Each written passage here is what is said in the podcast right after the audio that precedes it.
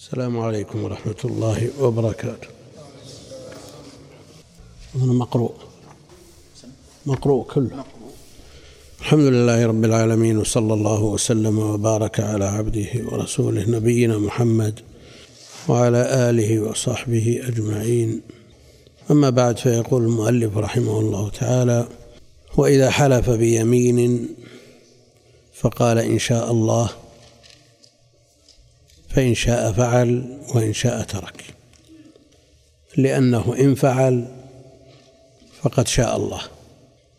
وإن لم يفعل فإن الله جل وعلا لم يشاء. قد علق ذلك على المشيئة. ومشيئة الله جل وعلا يبينها الواقع. فإذا وقع الشيء فقد علمنا بأن الله جل وعلا شاءه. وإذا لم يقع علمنا أن الله جل وعلا لم يشأه فما شاء كان وما لم يشأ لم يكن. فإذا علق بالمشيئة فإنه مخير إن شاء فعل وإن شاء ترك. ولن يخرج. إذا استثنى وعلق أمره على المشيئة لم يخرج من قدر الله. ومشيئته مثل ما قلنا قاله غيرنا ما شاء كان ما شاء الله كان وما لم يشأ لم يكن ولا كفارة عليه ولا كفارة عليه إذا لم يكن بين اليمين والاستثناء كلام وإذا كان الاستثناء متصل بالكلام فهذا لا إشكال فيه. وإذا تأخر الاستثناء عن الكلام فإن طال الفصل فله حكم وإن قصر الفصل وكان الفاصل أمر اعتيادي سعال أو عطاس أو ما أشبه ذلك هذا له حكم. في وإذا استثنى في الطلاق أو العتاق فأكثر الروايات عن أبي عبد الله رحمه الله أنه توقف عن الجواب وهذا من ورائه كثيرا ما يتوقف رحمه الله من باب الورع وقد قطع في موضع أنه لا ينفعه الاستثناء لا ينفعه الاستثناء. ومسألة الاستثناء عموما تعليق الأمور بالمشيئة. كما جاء في حديث سليمان عليه السلام في الصحيحين حلف أن يطأ نساءه وأن يأتين بمئة ولد لأنهن مئة. كلهم يغزون في سبيل الله ولم يقول إن شاء الله. فلم تأتي واحدة منهن بمولود إلا واحدة جاءت بشق المولود نصف. لو استثنى لنفعه ذلك كما قال الملك. قد قطع في موضع أنه لا ينفعه الاستثناء يعني في الطلاق أو العتاق لأن الطلاق جد ومتعلق بطرف آخر من المخلوق والعتاق يتشوف إليه الشرع. ولن يخرج عن دائرة القدر سواء أمضيناه عليه ولم نمضي عليه. إن أمضي عليه ولم ينفعه استثناؤه كما قال الإمام أحمد في رواية يكون الله جل وعلا قد شاءه.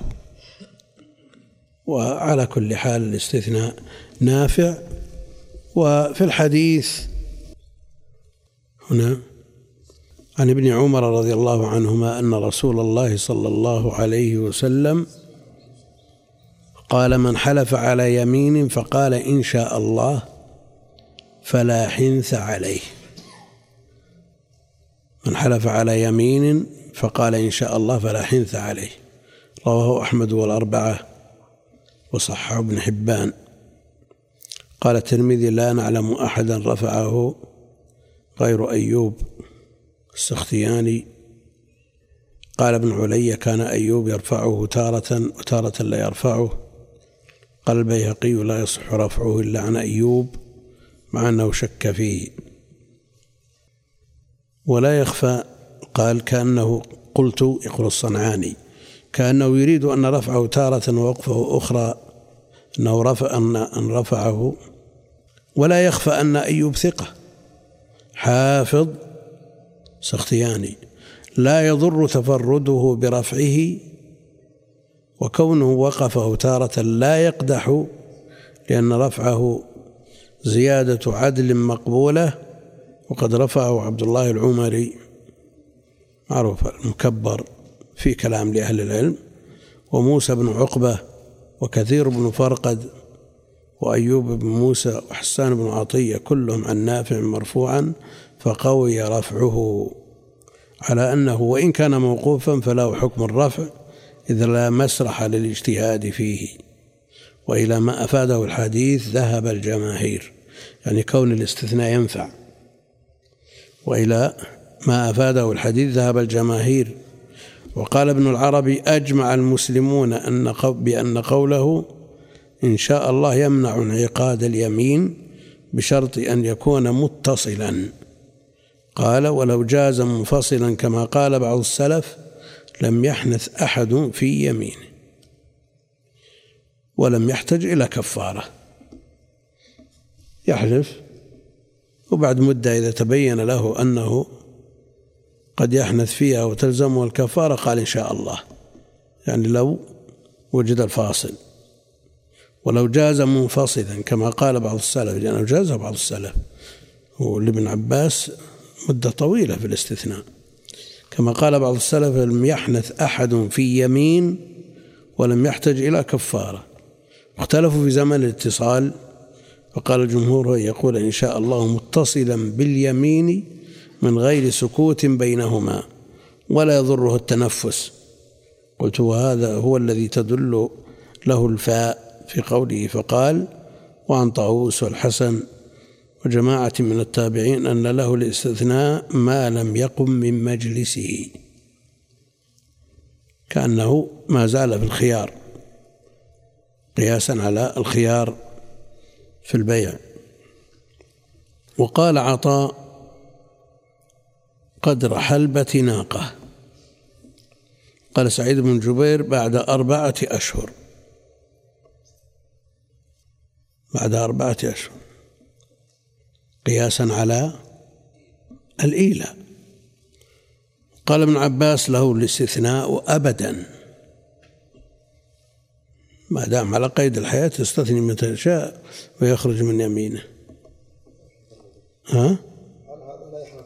لا إحنا كل أيمانك اللي أنت حلفت منذ ولدت إلى اليوم تقول إن شاء الله لجميعها وتخرج منها. قال ابن عباس له الاستثناء أبدا متى يذكر؟ قلت وهذه تقادير خالية عن الدليل. وقد تأول بعضهم هذه الأقاويل بأن مرادهم أنه يستحب له أن يقول إن شاء الله تبركا. أو يجب على ما ذهب إليه بعضهم لقوله تعالى واذكر ربك إذا نسيت.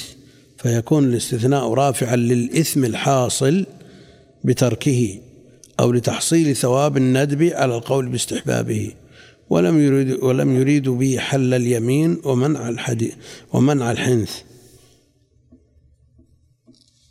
واختلفوا هل الاستثناء مانع للحنث في الحلف بالله وغيره من الطلاق والعتاق المسألة التي ذكرت وأن الإمام أحمد توقف فيها. دون غيره واستقواه ابن العربي واستدل بأن قوله تعالى ذلك كفارة أيمانكم إذا حلفتم. فلا يدخل في ذلك اليمين الشرعية فلا يدخل في ذلك اليمين الشرعية والحلف بالله. كيف؟ وذهب أحمد إلى أنه لا يدخل العتق لما أخرجه البيهقي من حديث معاذ مرفوعا إذا قال لامرأتي أنت طالق إن شاء الله لم تطلق. وإذا قال لعبده أنت حر إن شاء الله فإنه حر. لماذا؟ لأن الطلاق مكروه في الشرع والعتاق محبوب ومرغوب فييسر أمره. فإنه حر إلا أنه قال البيقي تفرد به حميد بن مالك وهو مجهول. يعني هل عليه إذا قال لعبدي أنت حر إن شاء الله فإنه حر. إذا قال لامرأتي أنت طالق إن شاء الله لم تطلق. هذا كلام فقهاء. وأشبه بكلام الفقهاء. منه بكلام النبوة. لأنه قال تفر البيهقي تفرد به حميد بن مالك وهو مجهول. اختلف عليه في إسناده وذهبت الهدوية إلى أن الاستثناء بقوله إن شاء الله معتبر فيه أن يكون المحلوف يكون المحلوف عليه فيما شاءه الله أو لا يشاءه. فإن كان مما يشاءه الله بأن كان واجبا أو مندوبا أو مباحا في المجلس أو حال التكلم لأن مشيئة الله حاصلة في الحال. يعني المشيئة ها؟ الشرعية. لكن ينازع في هذا لأنه قد تكون مراد المراد بالمشيئة القدرية. لأن مشيئة الله حاصلة في الحال. فلا تبطل تبط فلا تبطل اليمين بل تنعقد به. وإن كان لا يشاءه بأن يكون محظورا أو مكروها فلا تنعقد اليمين. فجعلوا حكم الاستثناء بالمشيئة حكم التقييد بالشرط. فيقع المعلق عند وقوع المعلق به وينتفي بانتفائه. وكذا قوله إن لا يشاء الله حكمه حكم إن شاء الله ولا يخفى. أن الحديث لا تطابقه. هذه الأقوال وفي قوله فقال إن شاء الله دليل على أنه لا يكفي في الاستثناء النية. يعني لو نوى في نفسه استثنى في نفسه. وهو قول كافة العلماء. وحكي عن بعض المالكية صحة الاستثناء بالنية من غير لفظ. وإلى هذا أشار البخاري. وبوب عليه باب النية في الأيمان فتح الهمزة ومذهب الهادوية صحة الاستثناء بالنية وإن لم يلفظ بالعموم إلا ولم يلفظ بالعموم إلا من عدد منصوص فلا بد من الاستثناء باللفظ. إذا ذكر عدد ذكر عدد وأراد أن يستثني من هذا العدد لا بد أن يلفظ.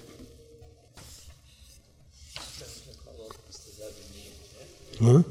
له وجهة نظر الاستثناء بالنية من هو؟ الاستثناء بالنية البخاري والهادوية وإذا قال إن تزوجت فلانة فهي طالق إن تزوجت فلانة فهي طالق لم تطلق إن تزوج بها لماذا؟ لأن الطلاق وقع عليها وهي في غير عصمته وقع عليها وهي في غير عصمته. وإن قال إن ملكت فلانا فهو حر فملكه صار حرا. ما الفرق؟ نعم تشوف الشارع إلى العتق بخلاف الطلاق كما تقدم. ولو حلف أن لا ينكح فلانة أو لا يشتري فلانا فنكحها نكاحا فاسدا أو اشترى أو اشتراه شراء فاسدا لم يحنث. لماذا؟ لأن الفاسد لا تترتب عليه آثاره. فاسد لا تترتب عليه آثاره. إنما الآثار تترتب على الصحيح. ولو حلف أن لا يشتري فلانا أو لا يضربه فوكل في الشراء أو الضرب. حنث. لماذا؟ لأن الآمر حكمه حكم الفاعل ويسند الفعل كثيرا إلى الآمر وإن لم يباشر. كثيرا ما يقال فعل الأمير كذا وما باشر يأمر بذلك. هذا أمر معروف متداول. ولو حلف أن لا ينكح فلانة أو لا, أو لا يشتري فلانا فنكح نكاحا فاسدا أو اشتراه شراء فاسدا لم يحنث. أما كونه فاسد أو نكاح باطل أو عقد باطل اشتراه بعقد باطل. يختلف الأمر ولا ما يختلف؟ هذا يترتب على التفريق بين الباطل والفاسد. لكن على كل حال كل من الباطل والفاسد وقت اليمين أو آه، إذا ملك ما تترتب عليه آثار حتى يصحح الفاسد. ما دام ما صححه على القول بالتفريق بينهما ما دام ما صحح الفاسد العقد الفاسد أو النكاح الفاسد لو حلف أن لا ينكح فلانة فنكحها بغير ولي أيما امرأة نكحت بغير إذن وليها فنكاحها باطل باطل باطل يحنث ولا ما يحنث؟ ها؟ فاسد عند من لا يشترط الولي. عند من يشترط الولي. عند من يشترط الولي. وين؟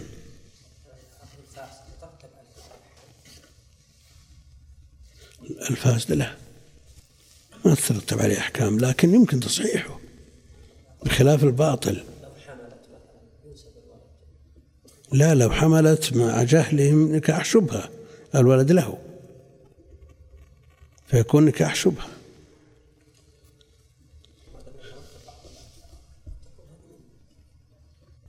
ولو حلف أن لا يشتري فلانا أو لا يضربه فوكل في الشراء أو الضرب حنث ما لم يكن له نية.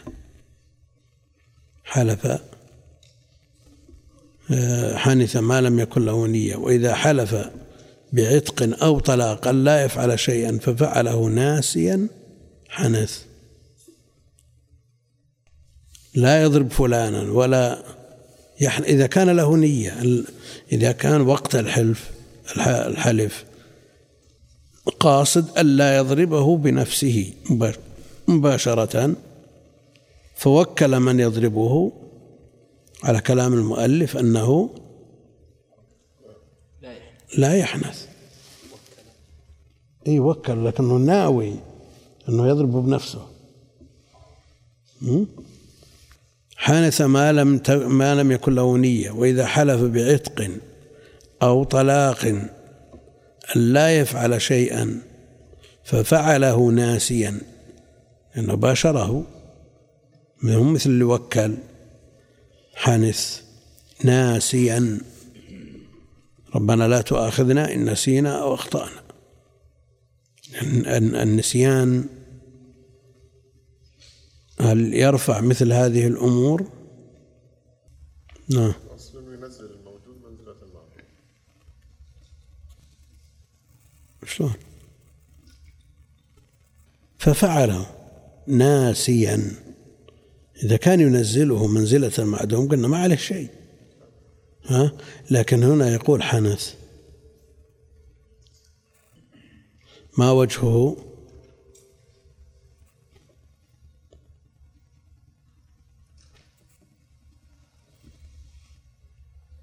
إذا قلنا بالقاعدة أن النسيان ينزل الموجود منزلة المعدوم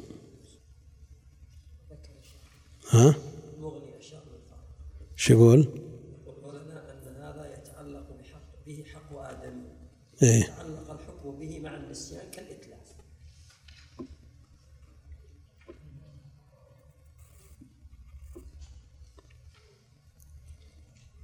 اللي هو العتق والطلاق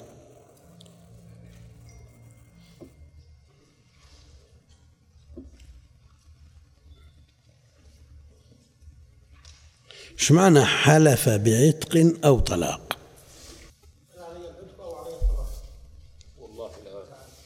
لا. ها؟ حلف أن يعتق. لا حلف أن يفعل كذا فنسي.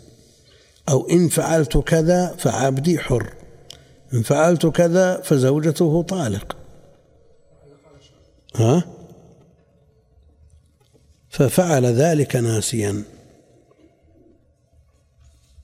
وماذا عن الجاهل؟ هل حكم حكم الناس ولا لا؟ شو يقول عندك شيء؟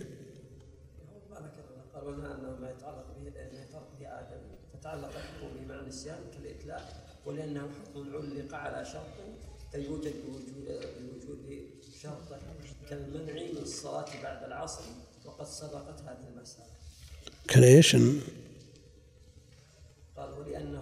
لا الخير الأخير كالمنع من الصلاة بعد العصر. إيه طيب. وقد سبق وقد سبقت هذه المسألة.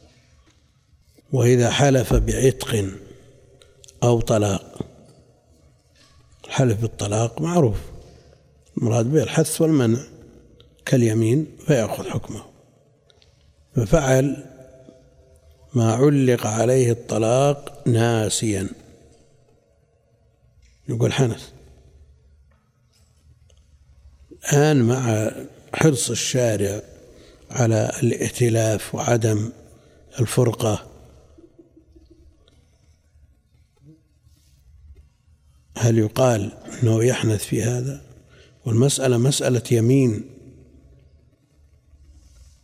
لكن وهل المؤلف ممن يقول بأن إطلاق اليمين أو تعليق اليمين على شيء فيه حث أو منع كفر كفارة يمين ولا يقع؟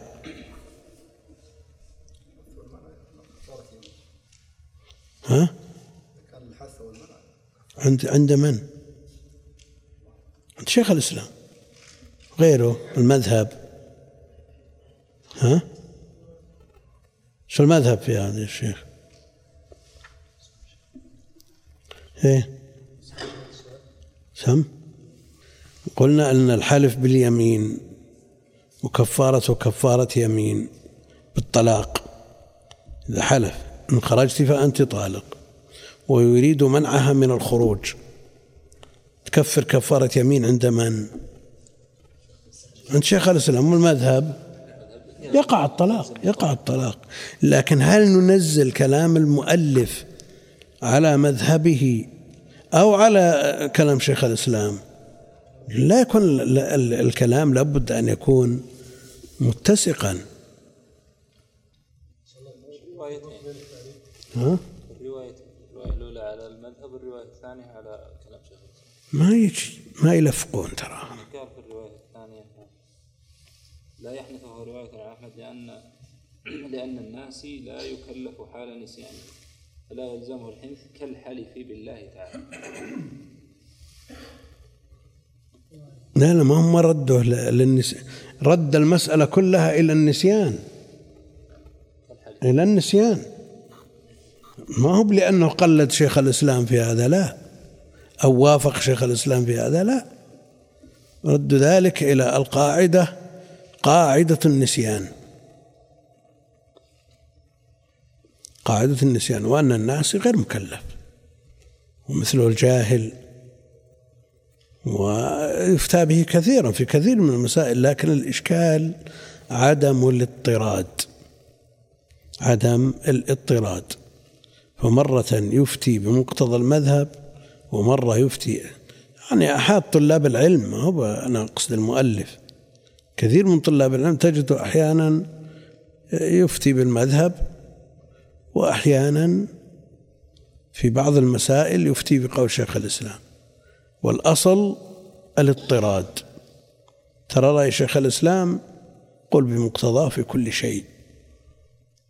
نعم؟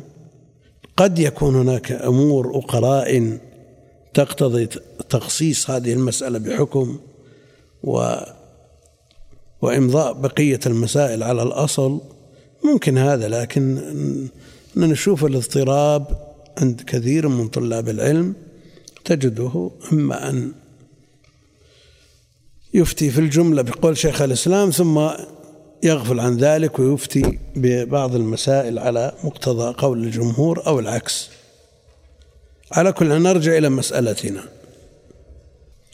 وإذا حلف بعتق أو طلاق أن لا يفعل شيئا ففعله ناسيا حنث. كالتعليل صاحب المغني أن هذا يتعلق به حق مخلوق. طيب. حق مخلوق. لكن في حق مخلوق آخر. ها؟ فأيهما الذي يحتاط له؟ هل يحتاط للزوجة أو للزوج؟ ها؟ يحتاط للزوجة لأنه متسبب والزوج لكن ال... ها؟ الضرر يلحق الزوج أكثر. ما هو بالأصل بقاء العقد. ورفعه مقطوع به أو مشكوك فيه. مشكوك فيه. في كلام المغني غير اللي انت قريت؟ ها كل الكلام اللي ذكر خمسة أصل طيب الزركشي عنده شيء؟ ها؟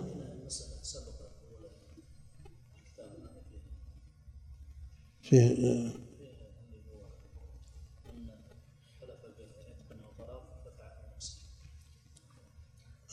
عندك هي؟ اقرأ علينا حال بالصفحة. لا لا ومن حلف أن يفعل شيئا فلم يفعله أو لا ولا يفعل شيئا ففعله. فإن فعله ناسيا فلا شيء عليه إذا كانت اليمين بغير الطلاق والعتاق. هذه المسألة متقدمة. فإن فعله ناسيا فلا شيء عليه إذا كانت اليمين بغير الطلاق والعتاق. واستثنى الطلاق والعتاق في مسائل. لماذا؟ مثل ما تقدم أنه يتعلق بحق مخلوق وهو الزوجة أو العبد. لكن هل هذا من مصلحة المرأة فيقال حق مخلوق؟ ها؟ شو؟ ترغب الطلاق؟ إيه لا ما يضطرد أن يقال حق مخلوق وهي قد يكون ليس من صالحها. ها؟ لأنه حكم بحكم مضطرد هو. ها؟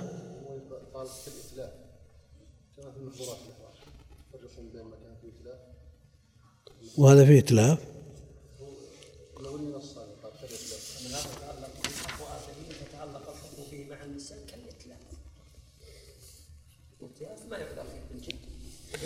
إي أنا أقول إذا كان حق مخلوق هل هو حق له أو عليه في مثل هذه المسألة؟ ما العتق واضح. لا ولا هم مسألة عتق الآن. المسألة الكفارة. هم؟ ما يرى الكفارة لا في الأول فيما تقدم إلا في كفارة. قال إلا إذا كان الكفارة إذا كان بطلاق أو عتاق يلزمه ما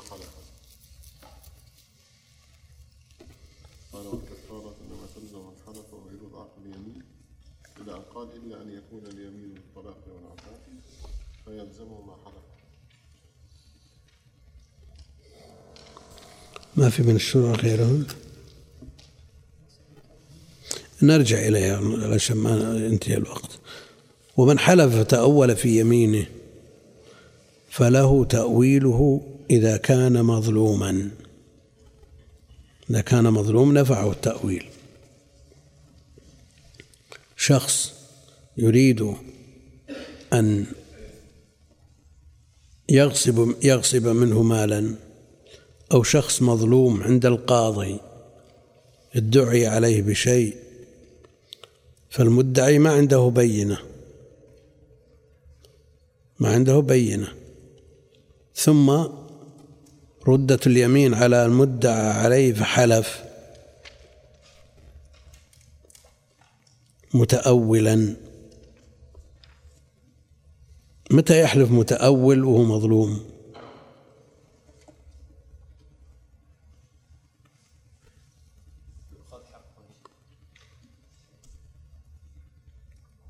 الآن شخص مدين بمبلغ وحلف بالله أنه أن هذا المبلغ ليس تحت يده ليس تحت يده. إن كان مظلوم وأراد باليد الحسية نفعه ذلك وإن كان ظالما لا ينفعه ذلك. لما روي عن النبي صلى الله عليه وسلم أنه قال يمينك على ما يصدقك به صاحبك. يمينك على ما يصدقك به صاحبك. هنا في في البلوغ وشرحه يقول الحافظ رحمه الله وعن أبي هريرة رضي الله تعالى عنه قال قال رسول الله صلى الله عليه وسلم يمينك على ما يصدقك به صاحبك. وفي رواية اليمين على نية المستحلف. اخرجهما مسلم. الحديث دليل على أن اليمين تكون على على نية المحلف ولا ينفع فيها نية الحالف.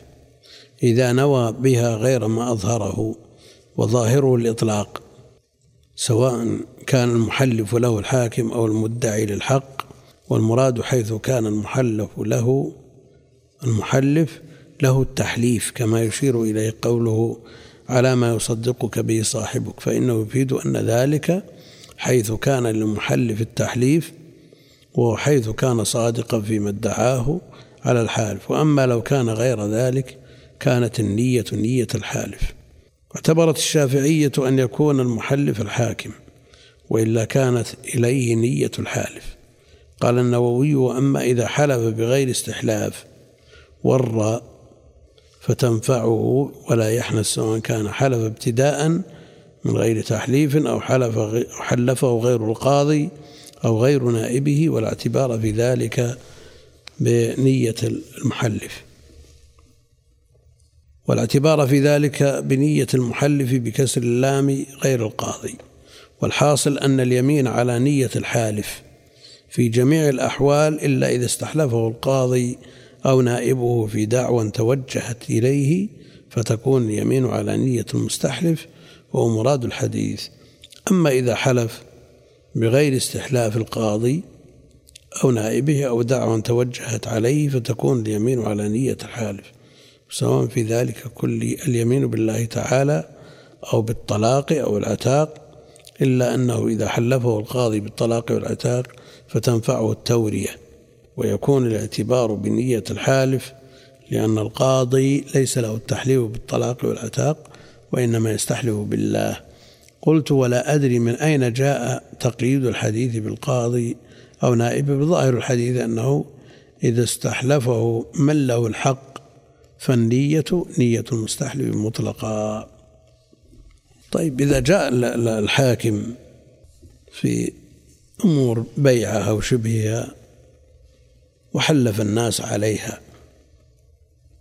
أو في أمور يراها هو وهي ليس لها مخرج شرعي وألزم الناس بها وحلفوا على ما طلب منهم وليس لها وجه شرعي. فما الحكم؟ له أن يوري ويكون على نيته هو. أما إذا طلب منه الحاكم أمرا شرعيا أو طلبه صاحب الحق الذي ثبت دينه لكن لا بين يعتقد أن له دين عنده لكن البينة غير كافية في إثبات هذا الحق حينئذ لا ينفعه تأويله ولا توريته. ويكون حينئذ على نية المستحلف. في مسألة بذل الكفارة قبل الحنث لأنه قال عندنا ومن حلف فهو مخير في الكفارة قبل الحنث أو بعده. سواء كانت الكفارة صوما أو غيره إلا في الظهار والحرام فعليه الكفارة قبل الحنث. يعني إذا حلف وحنث أو أراد أن يحنث. هل يبذل الكفارة قبل اليمين أو بعد اليمين وقبل الحنث أو بعدهما؟ العبادات والمعاملات لها أسباب ولها أوقات سبب وجوب ووقت وجوب. فقبل السبب لا إله إلا الله وحده لا شريك له معك المغني الشيخ سم. ها؟ سم. معك المغني لا. معي القواعد قواعد الرجب لا، في مسألتنا اللي هي وتفسير القرطبي ها؟ تفسير القرطبي إيش فيه أي مسألة؟ تفسير القرطبي وقواعد. أي مسألة؟ قرطبي القرطبي على تقديم الكف الكفار هناك؟ قرطبي. في قواعد ابن رجب معروف أنه إذا كان للعبادة سبب وجوب وقت ووقت وجوب فإنه تختلف الأحوال. قبل السبب قبل اليمين تكفر؟ لا. وهذا ليس محل خلاف. وبعد الحنث محل اتفاق. وبينهما هو محل الخلاف. ومرد ذلك إلى الحديث. إني والله لا أحلف على يمين فأرى غيرها خيرا منها إلا كفرت عن يميني ثم أتيت الذي هو خير. وفي بعض الروايات إلا أتيت الذي هو خير وكفرت عن يميني. وعلى كل حال يجوز هذا وذاك. ومن فروع هذه المسألة هدي المتعة والقران السبب الإحرام. الإحرام بالعمرة أو بالحج؟ ها؟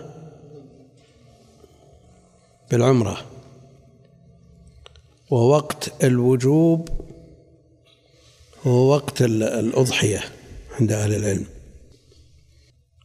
منهم من يقول يجوز أن يذبح الهدي بين السبب والوقت وهذا معروف عند الشافعية. أنهم يجوز عندهم ذبح الهدي قبل وقت وجوبه. والجمهور لا ما في إلا وقت وقت الأضحية. ولا يجوز تقديمها كما أنه لا يجوز تقديم الأضحية ذبح الأضحية.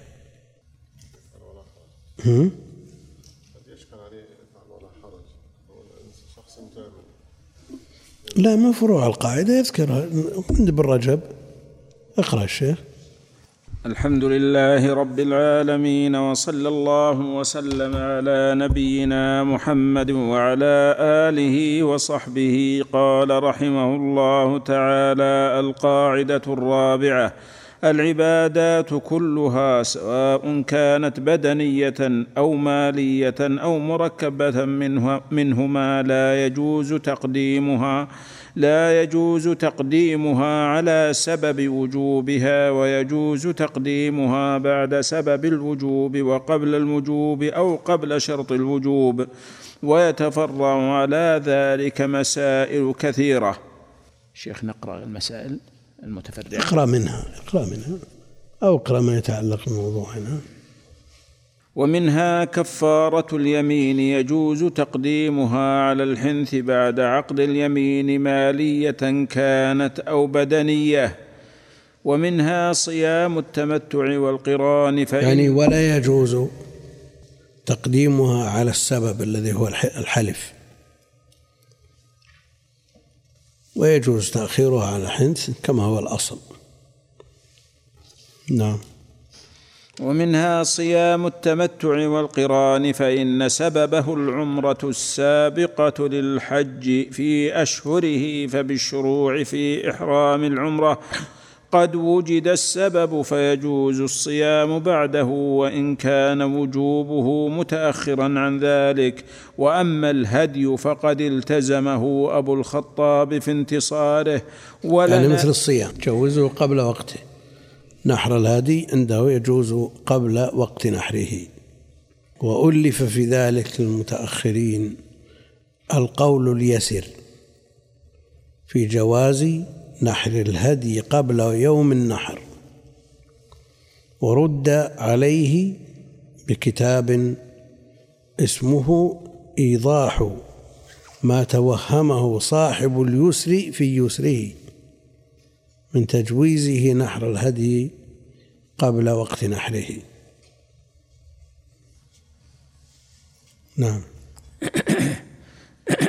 ولنا رواية أنه يجوز ذبحه لمن دخل قبل العشر لمشقة حفظه عليه إلى يوم النحر وعلى المشهور لا يجوز في غير أيام النحر لأن الشرع خصها بالذبح. غيره؟ ومنها إخراج كفارة القتل أو الصيد بعد الجرح وقبل شوف الزهور على القرطبي وش يقول. قال القرطبي رحمه الله تعالى التاسعة عشرة قوله تعالى فكفارته اختلف العلماء في تقديم الكفارة على الحنث هل تجزئ أم لا؟ بعد إجماعهم على أن الحنث قبل الكفارة مباح حسن وهو عندهم أولى. على ثلاثة أقوال أحدها يجزئ مطلقا وهو مذهب أربعة عشر من الصحابة وجمهور الفقهاء وهو مشهور مذهب مالك. وقال أبو حنيفة وأصحابه لا تجزئ بوجه وهي رواية أشهب عن مالك. وجه الجواز ما رواه أبو موسى الأشعري رضي الله عنه قال قال رسول الله صلى الله عليه وسلم وإني والله إن شاء الله لا أحلف على يمين فأرى غيرها خيرا منها إلا كفرت عن يميني وأتيت الذي هو خير خرجه أبو داود. ومن جهة المعنى أن اليمين سبب الكفارة لقوله تعالى ذلك كفارة أيمانكم إذا حلفتم فأضاف الكفارة إلى اليمين والمعاني تضاف إلى أسبابها. وأيضا فان الكفارة بدل عن البر فيجوز تقديمها قبل الحنث. ووجه المنع ما رواه مسلم عن عدي بن حاتم قال سمعت رسول الله صلى الله عليه وسلم يقول من حلف على يمين ثم رأى غيرها خيرا منها فليأت الذي هو خير زاد النسائي وليكفر عن يمينه ومن جهة المعنى أن طيب هذا هذا دليل للمنع؟ للمنع. ها؟ لا. ما لا من يرى المنع منع التقديم. منع التقديم.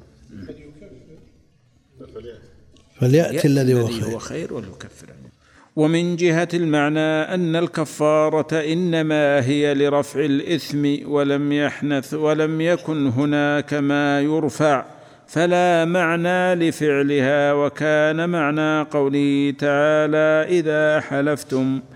أي إذا حلفتم وحنثتم وأيضا فإن كل عبادة فعلت قبل وجوبها لم تصح اعتبارا بالصلوات وسائر العبادات. وقال الشافعي تجزئ بالإطعام والعتق والكسوة ولا تجزئ بالصوم لأن عمل البدن لا يقدم قبل وقته.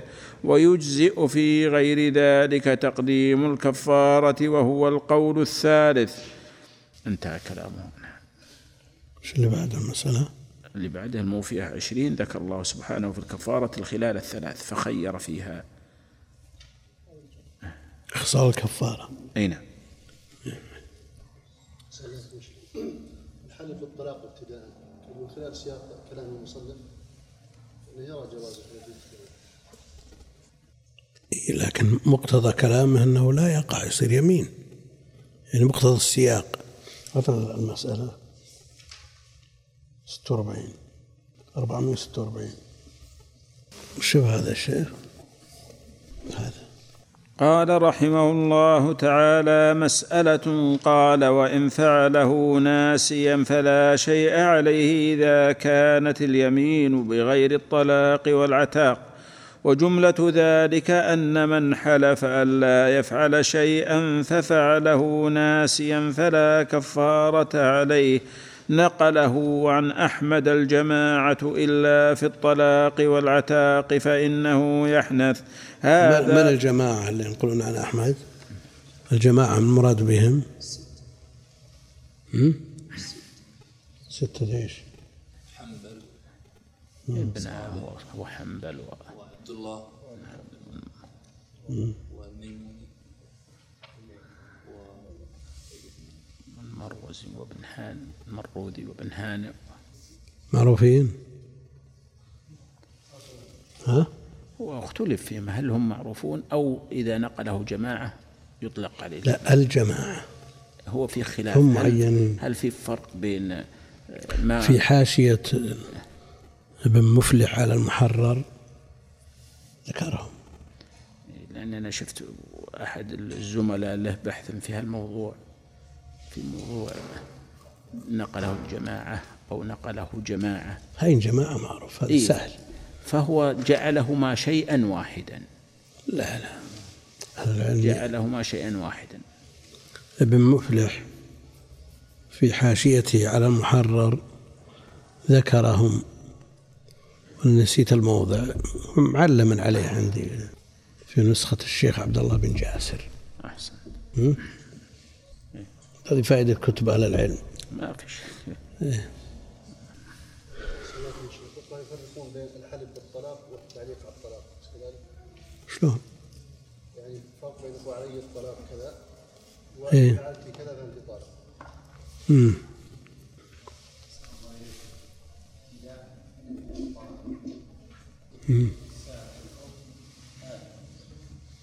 لا هو له ما ليس بشرك. لأنه لا يحلف بالطلاق يقول والطلاق أو بالطلاق أو ليس بشرك. لكن العدول عن الحلف بالله وتعظيم الله إلى تعظيم غيره كالطلاق وغيره لا شك أنه لا ينبغي ولا ليس بشرك. إنما مجرد تعليق يراد منه الحث أو المنع على رأي شيخ الإسلام. العدول مثل ما يفعل بعض القضاة يحلف الناس ويجعلهم يذكرون أشياء. ومسألة تقدمت عندنا في الكتاب. حينما حلف القاضي رجلا من آه، لا هندوسي. يعبد البقر. ممن يعبد البقر. في بلد مجاور يؤمن. فأمن على مبلغ من المال فلما جاء صاحبه أنكر. فذهب به إلى القاضي وقال عندك بينة؟ صاحب ال- الوديعة قال لا والله ما عندي بينة. قال ما كله يمينه. قال هندوسي بحلف. بحلف شو يرد من حلف. قال ائتوا بسكين. فجاء بالسكين وقال للهندوسي أمسك السكين هكذا. فمسك السكين وقال له قل ورب البررة مهلك الفجرة. اليمين بالله ما في شك. لئن كنت كاذبا لآخذن هذه السكين وأذبح البقرة. قال خلاص فلوس يدفع بقرة ما يذبح. لا القضاة عندهم أحيانا مو بكلهم لكن موجود يعني من من من قديم الزمان يعني.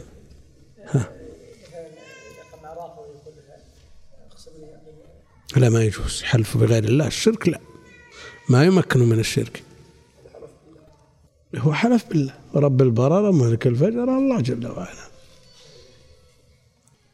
سم. نكمل يا شيخ. إيه نكمل. وجملة ذلك أن من حلف أن لا يفعل شيئا ففعله ناسيا فلا كفارة عليه. نقله عن أحمد الجماعة إلا في الطلاق والعتاق فإنه يحنث. هذا ظاهر المذهب واختاره الخلال وصاحبه. وهو قول أبي عبيد. وعن أحمد رواية أخرى أنه لا يحنث في الطلاق والعتاق أيضا. وهذا قول عطاء وعمرو بن دينار واب- وابن أبي نجيح وإسحاق.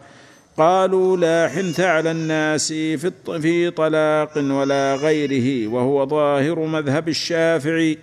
لقوله تعالى وليس عليكم جناح فيما أخطأتم به ولكن ما تعمدت قلوبكم وقال النبي صلى الله عليه وسلم إن الله تجاوز لأمتي عن الخطأ والنسيان وما استكرهوا عليه ولأنه غير قاصد للمخالفة فلم يحدث فلم يحدث كالنائم والمجنون ولأنه أحد طرفي اليمين فاعتبر فيه القصد كحالة الابتداء بها وعن أحمد رواية أخرى أنه يحنث في الجميع وتلزمه الكفارة في اليمين المكفرة وهو قول سعيد بن جبير ومجاهد والزهري وقتادة وربيعة ومالك وأصحاب الرأي.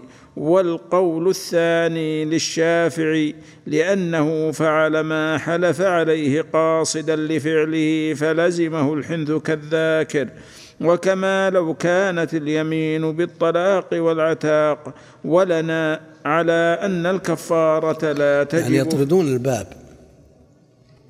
يطردونه في النسيان فيحنث سواء كان بالعتاق والطلاق وغيره في جميع الأبواب. والقول الذي قبله فيه اضطراد وأنه لا حنث على الناس. والقول المقدم الذي ذكره المؤلف أنه يفرق بين الطلاق والعتاق وغيرهما.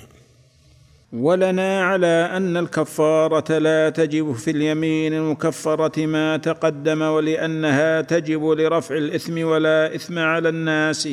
وأما الطلاق والعتاق فهو معلق بشرط فيقع بوجود شرطه من غير قصد كما لو قال أنت طالق إن طلعت الشمس أو قدم الحاج. انتهى الفصل. فصل وإن فعل. اللهم صل على عبدك ورسولك.